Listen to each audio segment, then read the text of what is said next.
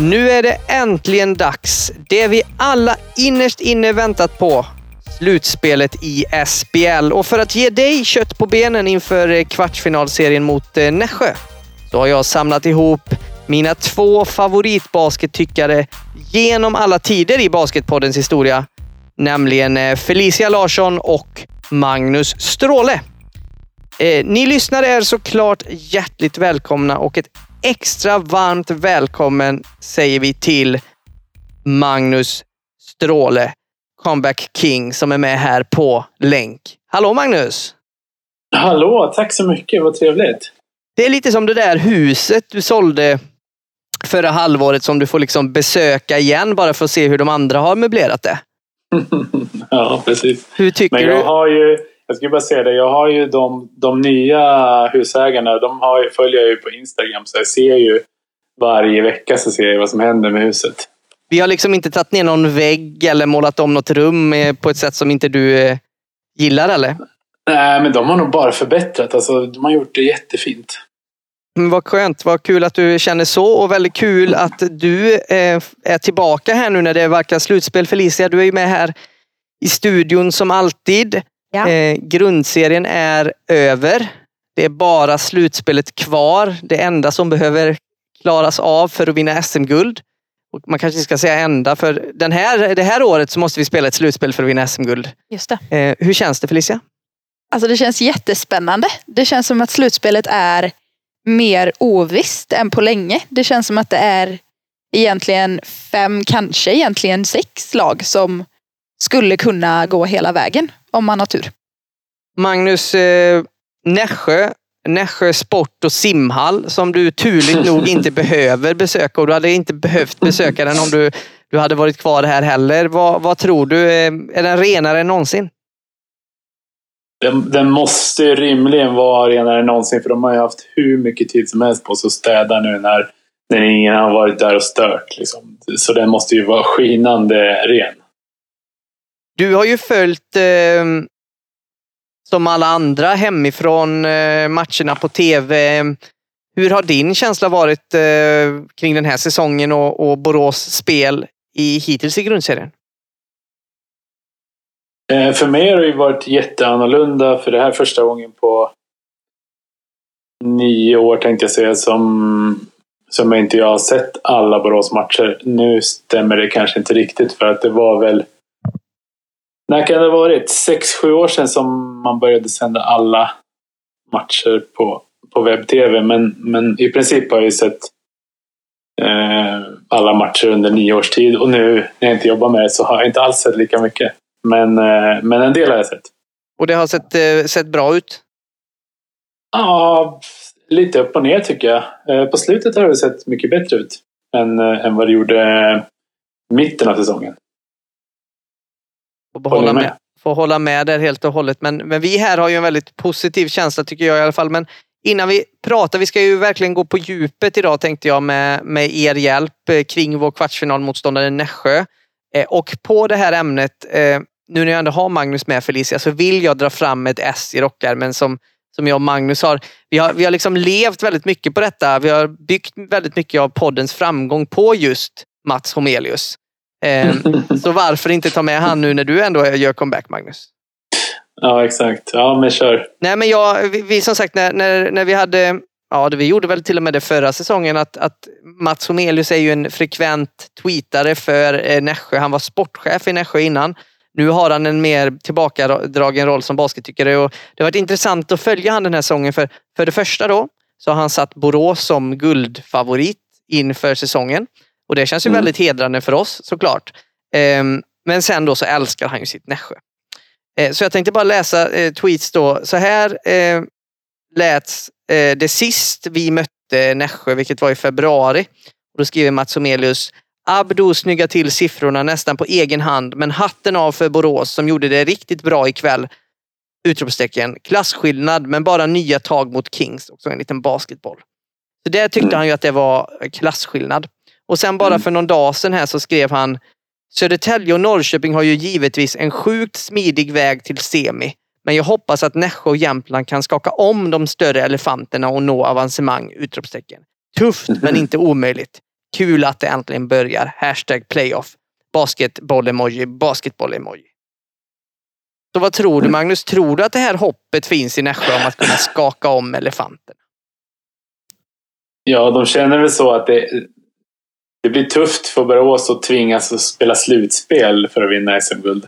Mhm. Det, det är väl det, att man inte bara kan glida fram där till, till SM-guldet via seger i grundserien. Nej, men eh, han tror ju säkert på det. Eh, men det är mycket hjärta med Mats Omelius också. Så det ska man komma ihåg. Det är kanske, det kanske inte är så mycket statistik som talar för Nässjö.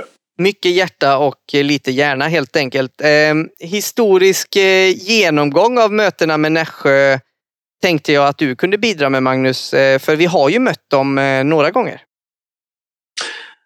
Ja, man skulle kunna tro det. Det var ju det vi pratade häromdagen, eller skrev till varandra häromdagen, så sa jag ja men vi har ju mött dem nästan varenda år. Tyckte jag i, Ja, i, i, slutspelet. i ja. ja, ja. Men eh, när man kollar tillbaka då så är det faktiskt bara en gång vi har mötts. Är det så?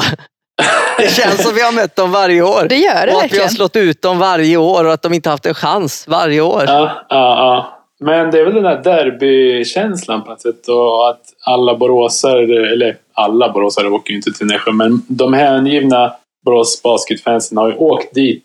Och det känns som slutspel varje gång kanske. Det är nog mer det. Och sen skulle vi ha mötts förra året, om det hade blivit slutspel. Då hade vi mött dem igen.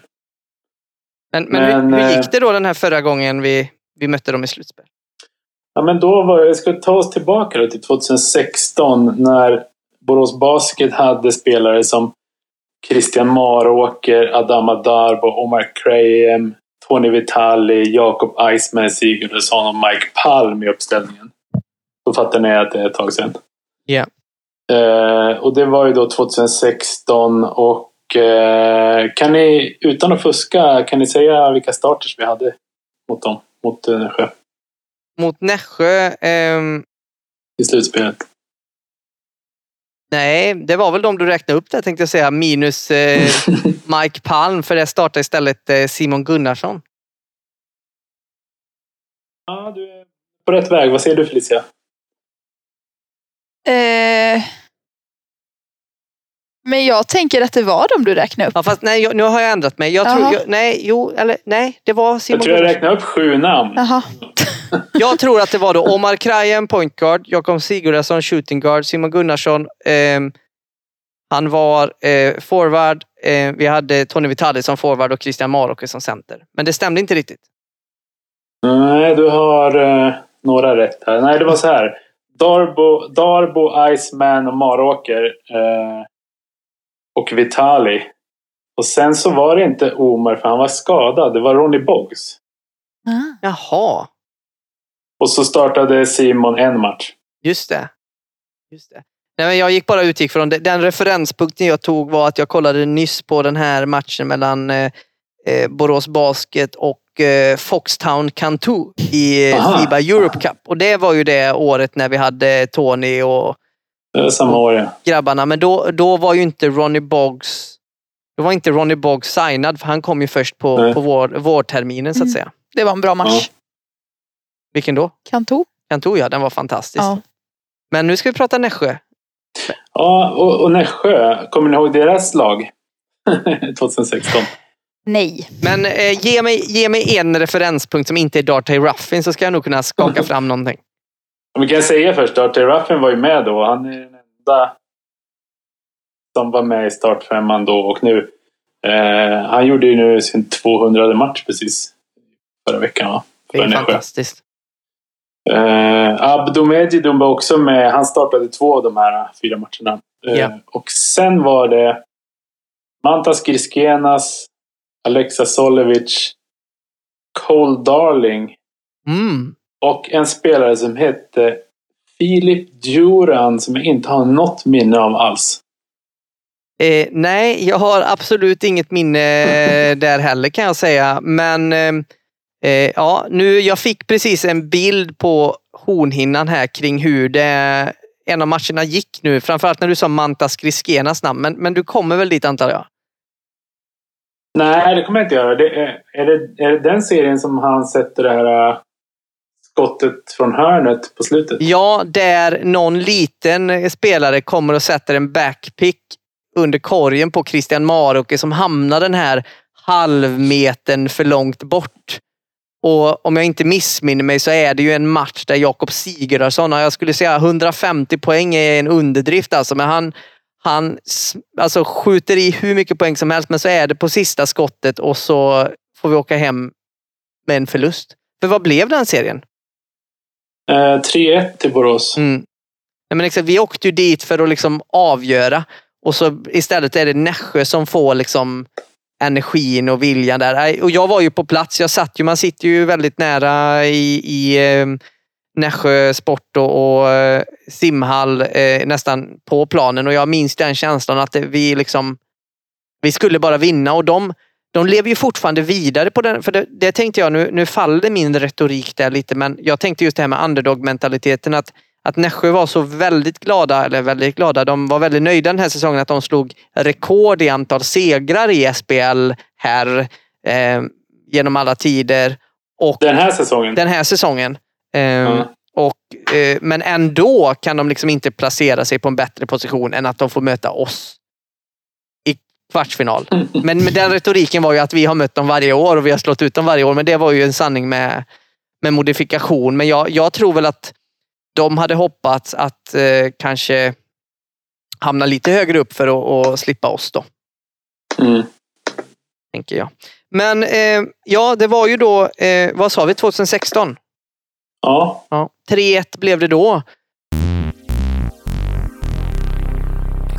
Nu ska vi prata om Nässjö eh, det här året. Eh, Felicia, jag bad dig eh, liksom kolla lite på vad, vad har de för trupp? Eh, hur har det sett ut eh, under den här säsongen? Eh, vi sa ju precis att de, de har slått eh, klubbrekord i antal segrar eh, i SBL här, men vad, vad är det för typ av lag som, som de har satt ihop? Nej men eh, egentligen tycker jag väl att det är ett lag som eh, de spelar ju med väldigt mycket energi. Eh, jag ser ju inte deras största hot kanske i deras offensiva kvalitet. Eh, om man ser kollektivt. Utan det är ju ett väldigt hårt arbetande lag. Eh, som spelar tufft i alla lägen. Väldigt välskolade av Jocke Kjellman. Eh, men såklart absolut mycket spetskompetens. Och Borås kommer ju behöva spela försvar på allra högsta nivå. Annars förlorar man. Så bra kommer de vara. Eh, vi har ju spelare, alltså vi pratade om han precis, vi har ju Darty Ruffin som alltid varit den där stöttespelaren. Eh, eh, Magnus, vi har ju följt han i massa, massa år. Eh, nästan självskriven i, i Nässjö startelva.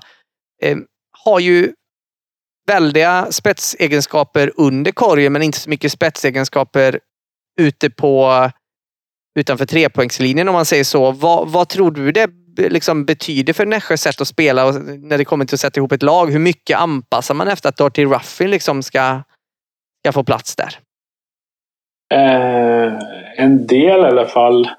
Jag tänkte på det här att man kollar på statistiken och kollar på de bästa femmorna som man kan sätta ihop så är ju Ruffin inte med i varken den första eller den, eller den näst bästa eh, femman vad gäller eh, plus minus statistik. Så, så det kanske betyder en del. Man blir lite, det blir lite handikapp om man inte kan skjuta bollen utifrån i dagens basket.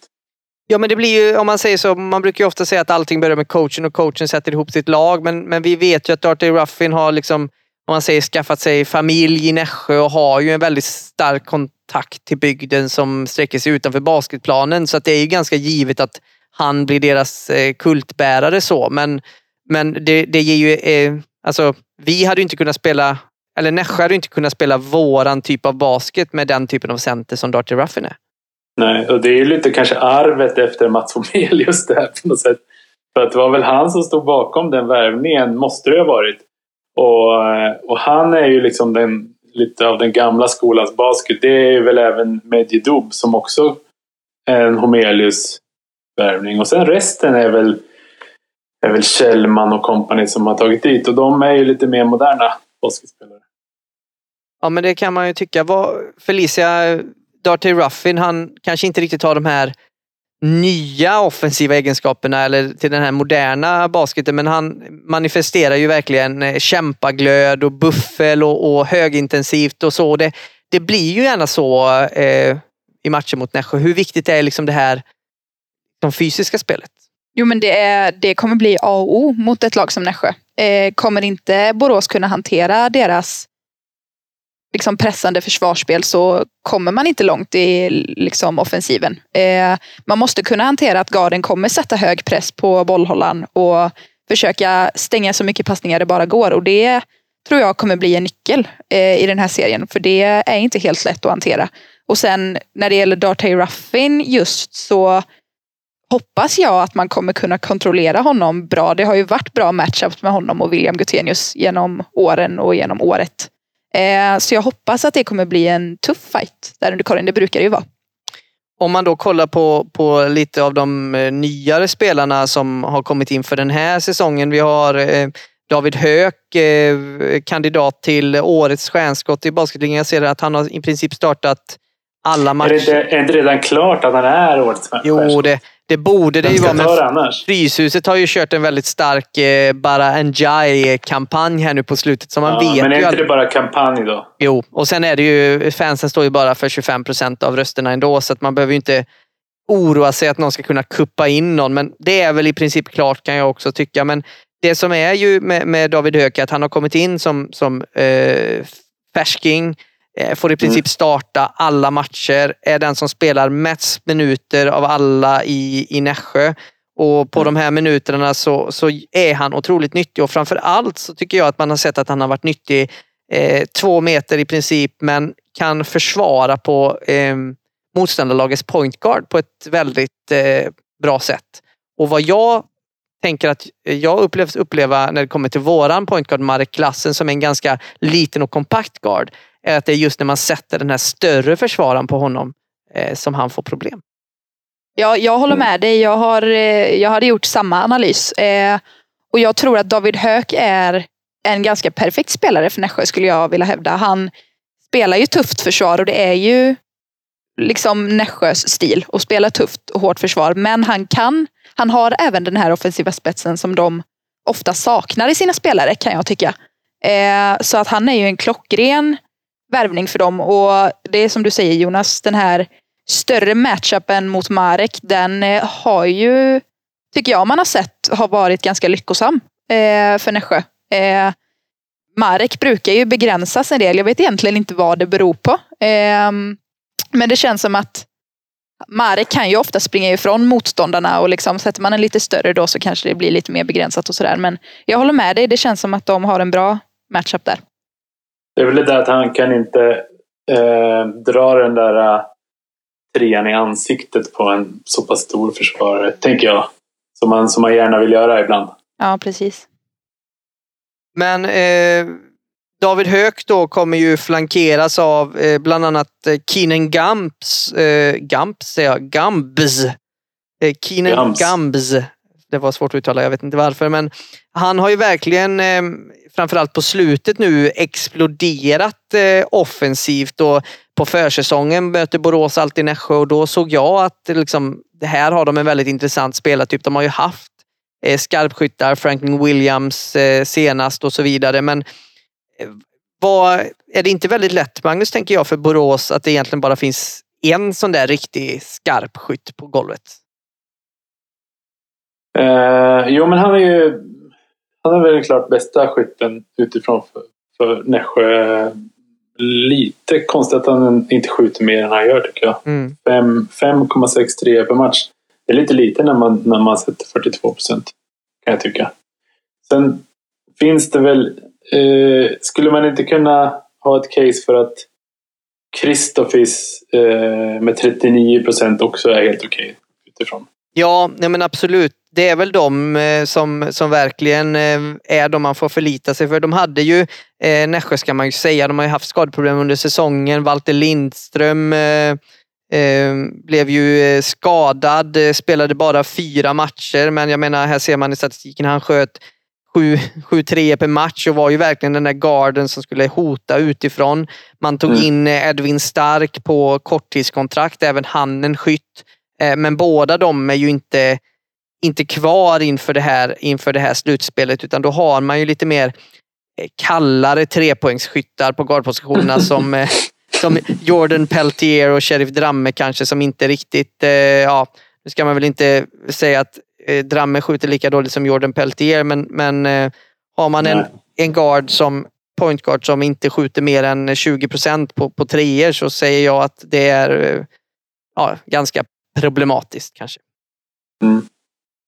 Eh, men, men Gams då, hur mycket tror ni, för jag gick tillbaka och kollade lite vad, vad han hade för det är alltid så, slutspel är slutspel, grundserie är grundserie och vi har ju de här gamla ja, slutspelsrävarna, eh, Ruffin som har varit det några gånger. Och jag kollar tillbaka lite på Gams karriär, vad, vad han hade varit, eh, varit med om. Liksom, vad han mm. hade presterat på för nivå. Han var ju i Kapfenberg Bulls, det här österrikiska ah. laget som Borås mötte i Fiba Europe Cup. Eh, långt Samma tillbaka år till. som vi pratade om tidigare, 2015-16. Ja. Det var så? Ja. För det, var, det var, måste ha varit eh, Jakob Sigurdssons första Europacup-match på bortaplan. Jag minns att han på morgonen där när alla andra låg och sov, då hade han letat upp ett gym och gick och körde ett extra pass. Ja, han var helt sjuk när det kommer till det.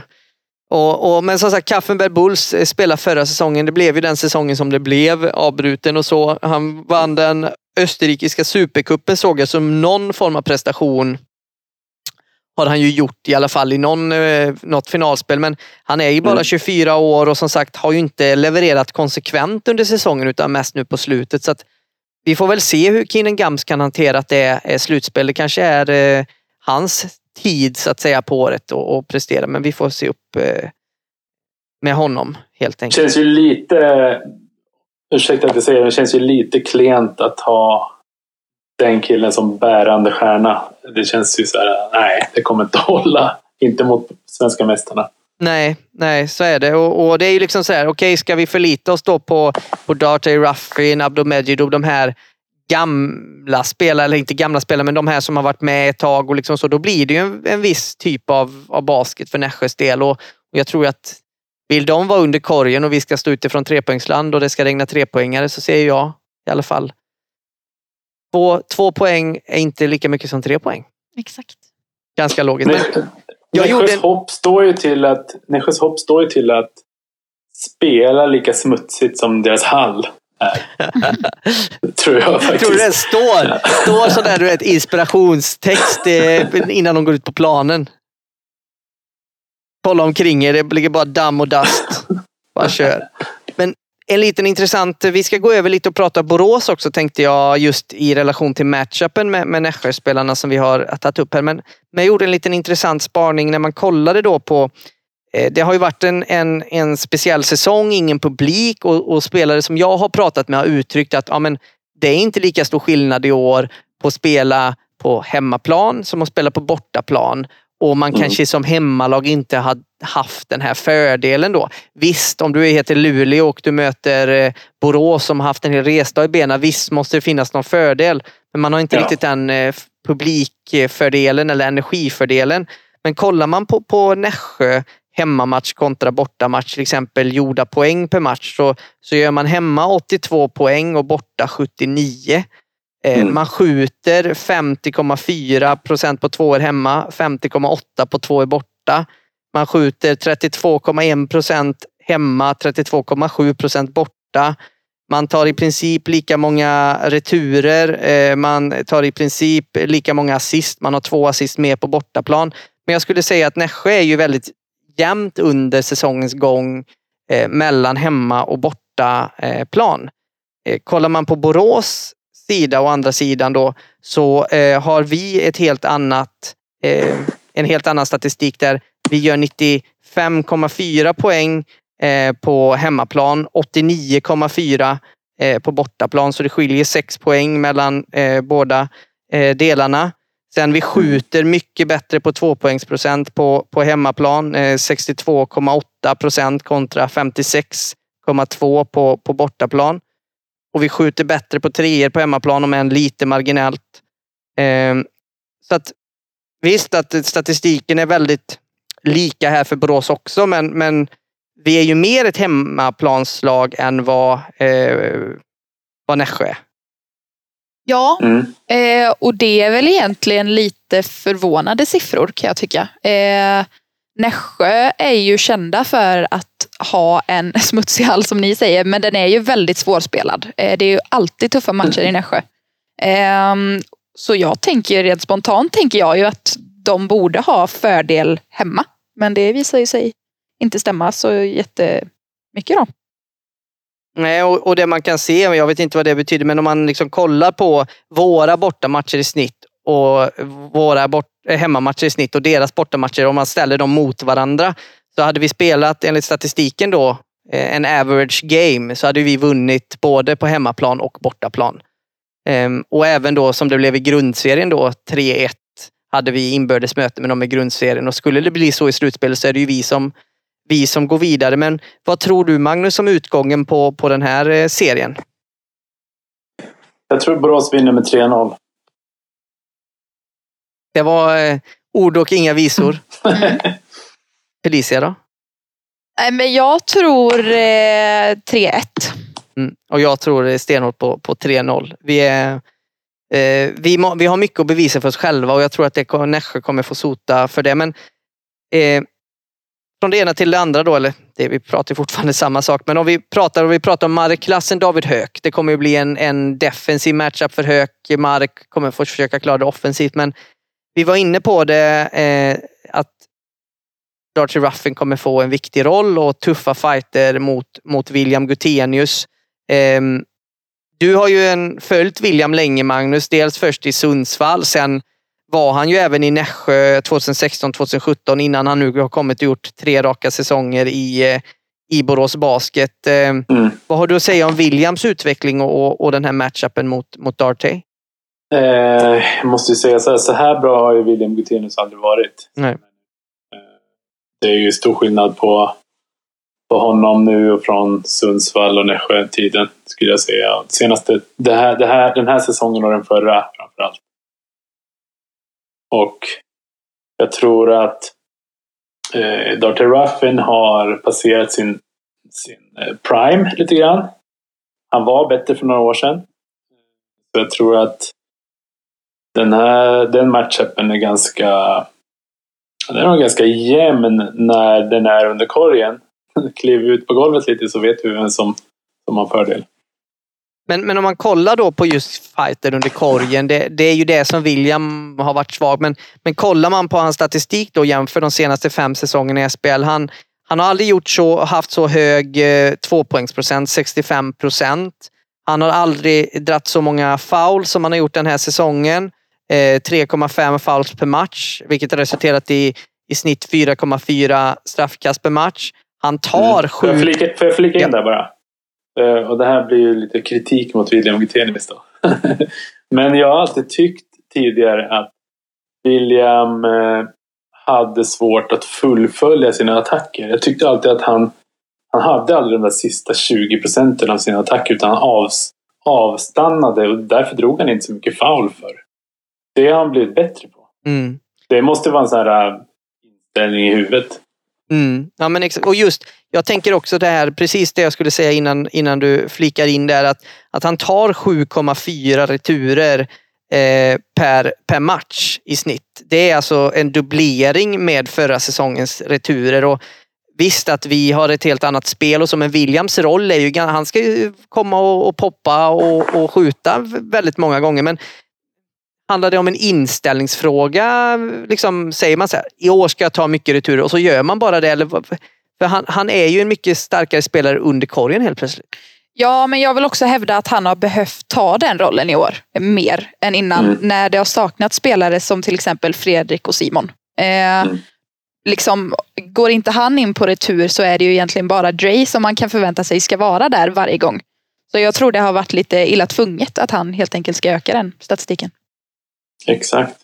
Lite som eh, Mike Palm de sista åren. När han, han, han gjorde inte så himla mycket, men när någon när Maroki var skadad och han fick starta, då gjorde han plötsligt 24-10. Mm. Mm. Ja men exakt. Den matchen minns jag. minns en specifik match där. Eh, eh, alltså jag vet inte vilka de mötte eller så, men jag minns ju just den matchen när Mike liksom var på åter, alltså ny, nyfödd liksom. Mm. Eh, gick på vatten i princip. Men ni var inne på, på DeAndre Davis och, och han kommer ju få en, en, eh, en eh, väldigt viktig roll. Nu pratar ju vi mycket Ruffin eh, mot Gutenius men det är kanske lite respektlöst mot Craig Lessen som, som ändå varit en av Nässjös främ, främsta figurer också. Deras forward som, som också kan vara farlig i stunder. Vi vet ju det att den matchen vi förlorar mot Nässjö borta så lät vi ju göra Craig, eh, eh, lät vi göra att, nej, lät vi Craig Lessen göra 27 poäng. Och all respekt mot Craig Lessen, men han ska inte göra 27 poäng. Nej. Men på något sätt så lyckades vi inte, lyckades vi inte hantera honom på det sättet som, som krävdes. Eh, och där blir ju DeAndre Davis viktig. Om William Gutenius har fullt upp med, med Ruffin så får Dre eh, ta Lessen under armen då. Ja men exakt. Jag tänker att om det är så att kanske Dartey Ruffin och William Gutenius, jag tror i och för sig att William har lite övertag där, men om vi leker med tanken att de tar ut varandra lite grann så tror jag att vi har ett större hot under korgen i DeAndre Davis än vad de har i både Lesen och Medjidub. Absolut. Avery Woodson då Magnus? Ehm, Åh, ja, jag älskar Avery Woodson. Ja men man älskar ju honom. Men man, Ja. man är ju lite liksom sådär, man känner ju att det finns så mycket mer i den där basketkroppen. Du menar att det finns oftare? Ja, alltså att Ja. eh, det är liksom en, en nivå till liksom som man kan eh, lägga in vid fler tillfällen än vad han gjort. Mm. Ja, jag vet inte hur man ska få fram det, men i de bästa stunderna är han ju helt magisk. Då är han ju... Ja, ja, jag röstade på honom som årets guard. Mm. Det gjorde jag med. Ja. Men, men om man säger så här då, eh, om vi då nu då, och det får vi ju vara i den här podden, vi får, får ju säga vad vi tycker, men, men vi har ju då markklassen som uppenbarligen har eh, liksom tagit taktpinnen efter Elva Fridriksson på ett eminent sätt rent statistiskt sett. Men han har ju tagit en, en väldigt, väldigt, väldigt stor roll, både offensivt i, i Borås spel. Liksom så. Eh, personligen så hade jag ju kanske sett lite mindre Marek och lite mer Avery. Men, men ligger det på coacherna att, att liksom styra upp det? Eller vad, vad, vad känner du där Magnus? Ja, det gör det nog. Ändå. För- jag, liksom, jag tänker, vad, vad händer på en match? ehm, där vi, där vi liksom, eh, för jag minns ju hur vi utnyttjade Marcus Tyus i mångt och mycket. Liksom. Mm. Och jag ser inte varför vi inte skulle kunna använda Avery Woodson på det här sättet. Visst, Avery Woodson kanske inte är eh, den typen av spelare, ta bollen till korgen som Marcus Tyus var i punkt och pricka. Men han har ju fortfarande egenskaper att skapa sitt eget skott på ett, ett, liksom ett sätt som sticker ut. Verkligen. Liksom. Jag vet att vi spelar ju mycket ISO-spel för eh, Jeremy Harris bland annat. När han ska liksom driva på korgen mot en stor spelare. Och inte det att han inte gör det bra. Men varför kan vi inte fem av tio gånger sätta det spelet på Avery eller tre av Mareks 15 skottförsök på det spelet. Kan inte Avery få dem istället? Eh, och det ska bli intressant att se, tycker jag, hur coacherna använder Avery. För, för om, om vi ser att han är liksom en, en, liksom, har en outnyttjad potential så, så borde ju de se det också, tänker jag. Ja, det Ja. borde de ju. Eller så är vi helt enkelt baskettyckare och är inte insatta i någonting och kan ingenting. Så kan det också vara. Ja. Nej, men jag, ja, jag förstår vad du menar och jag håller med. Eh, Men som sagt, eh, jag eh, har liksom eh, tömt mig själv på eh, basketkunskap här känner jag. Eh, Är det något ni vill eh, tillägga? För, för jag har inga mer... eh, Vi, vi har ju ändå Ja, ett litet men alltså, manus, men man måste- Magnus kanske vill kuppa in någonting här. Man måste ju ändå säga, och det här med Mats Homelius tippning i, i början av säsongen. Jag vet inte hur mycket information han hade om Borås då, men att eh, Fredrik Andersson och Simon Gunnarsson inte skulle spela. hade vi haft dem med, då hade vi ju varit stora guldfavoriter i mina ögon. Eh, så det är ju otroligt att man kan placera sig trea och prestera det spelet som man ändå gör utan de här två viktiga kuggarna. Och sen dessutom, är inte John Brännmark skadad också nu? Jo, eller rättare sagt, John vilade som en försiktig åtgärd senast mot, mot Jämtland. Han har haft lite problem med, med baksida lår eller eh, någon större eh, muskel där på baksidan. Men det ska inte vara enligt uppgift inte några problem eh, där utan det var mer en försiktighetsåtgärd. Men det är ju precis som du säger Magnus, och jag blir mest sådär, eh, liksom, man kan inte såklart man kan kräva att kommentatorerna, vi har ju raljerat över kommentatorerna på SPL Play eh, flera gånger tidigare säsonger. Det har ju blivit bättre såklart men, men det är inte ofta det pratas om Borås skadeproblematik. Det, det har fokuserats på det i Jämtland, det har fokuserats på det i Köping eh, och så vidare. Men, men inte med oss. Och det är ju som du säger Magnus att ehm, det laget som spelar kvartsfinal mot Nässjö Basket var inte alls det laget som var planerat att spela kvartsfinal mot Nässjö Basket. Ehm, och det har inte heller eh, på gott eller ont kommit in några liksom, eh, ersättare som, som förväntas ta massa minuter. Vi har ju fått in Noel Eltzer, Bobby Klintman så, men det har ju mer varit för att bredda truppen eh, på det sättet. Så att ja, vi är väl kanske favoriter men lite underdogs ändå. Ja, underdogs tycker jag är ett starkt ord, men lite men, försvagade kanske. Skulle vi fråga Henrik Svensson så kanske han skulle hålla med ändå. Ja, men, det, ja, ja, men exakt. Vi är, vi är, det är ett under att vi har gått till slutspel ens. ja, men jag har faktiskt skickat meddelande till honom igår och grattade till kvartsfinalplatsen. Och han svarade, vi får se hur det går. ja, vad var det han svarade? Ska jag ta fram det? Han svarade... Ehm, tack, hade varit tungt om, det inte, om vi inte hade gått dit. Jag förstår, jag förstår. Ehm, men man får ju se, man också, ehm, eh, han skickade ett meddelande till mig, var det måndag igår? Det var det. Vid 12.30, det visar väl hans fokus, han skriver så här. Vi har alltså träning samtidigt som Marek Hamsik gör debut i, i Allsvenskan. Känns sådär alltså. Uh, han kanske börjar tappa lite fokus. Blev inte han inbytt i slutet? Jo, men han blev det. Men det kunde inte Henke se nu då.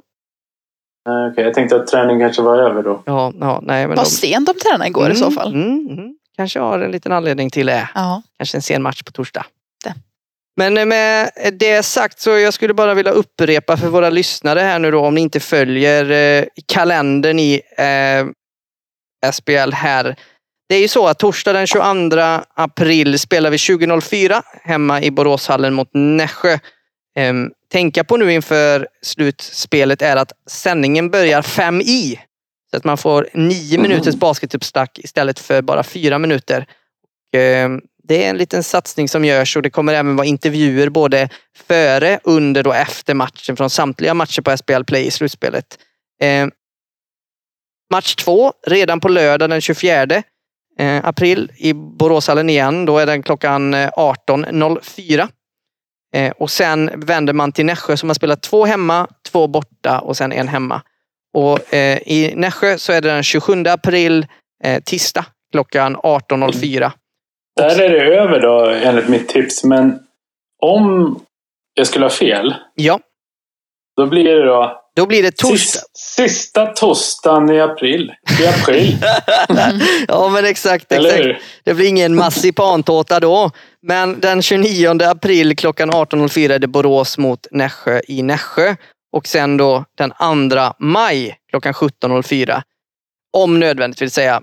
Så är det Borås mot Nässjö i basketborgen Boråshallen. Så att det är en intensiv eh, två veckor här som väntar Borås herrlag. Eh, och det drar igång som nu på torsdag. Härligt.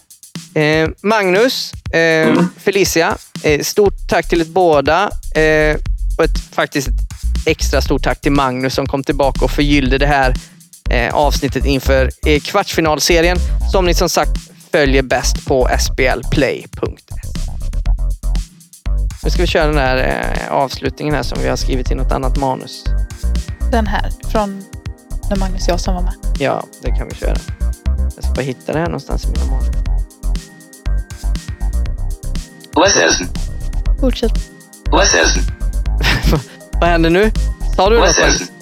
Ja, det var, jag skrev in det här. Hur uttalar man Craig? Listen. Eh, vad var fasen? Eh... Lägg in det i bakgrunden Magnus, eller Mattias. Listen. Eh, ha, ha, ha den uppe där Magnus så kan vi avsluta med den. Vill du läsa från min? Jag kan... Eh, eh, läsa själv. Ehm. Ska jag läsa hela? Eh, Jag läser hela. Men är du... Ja, så tar jag sista delen eller? Ja. Okej. Det här var ytterligare ett avsnitt av eh, Basketpodden eh, Vi är Borås där vi snackade upp kommande kvartsfinalserie mot eh, Nässjö. Vi tyckte det var underbart att just du ville lyssna på oss och inför nästa avsnitt så kan du passa på att följa oss i din podcastapp och genom att följa oss så får du möjlighet att lyssna på avsnittet innan vi publicerar dem i sociala medier.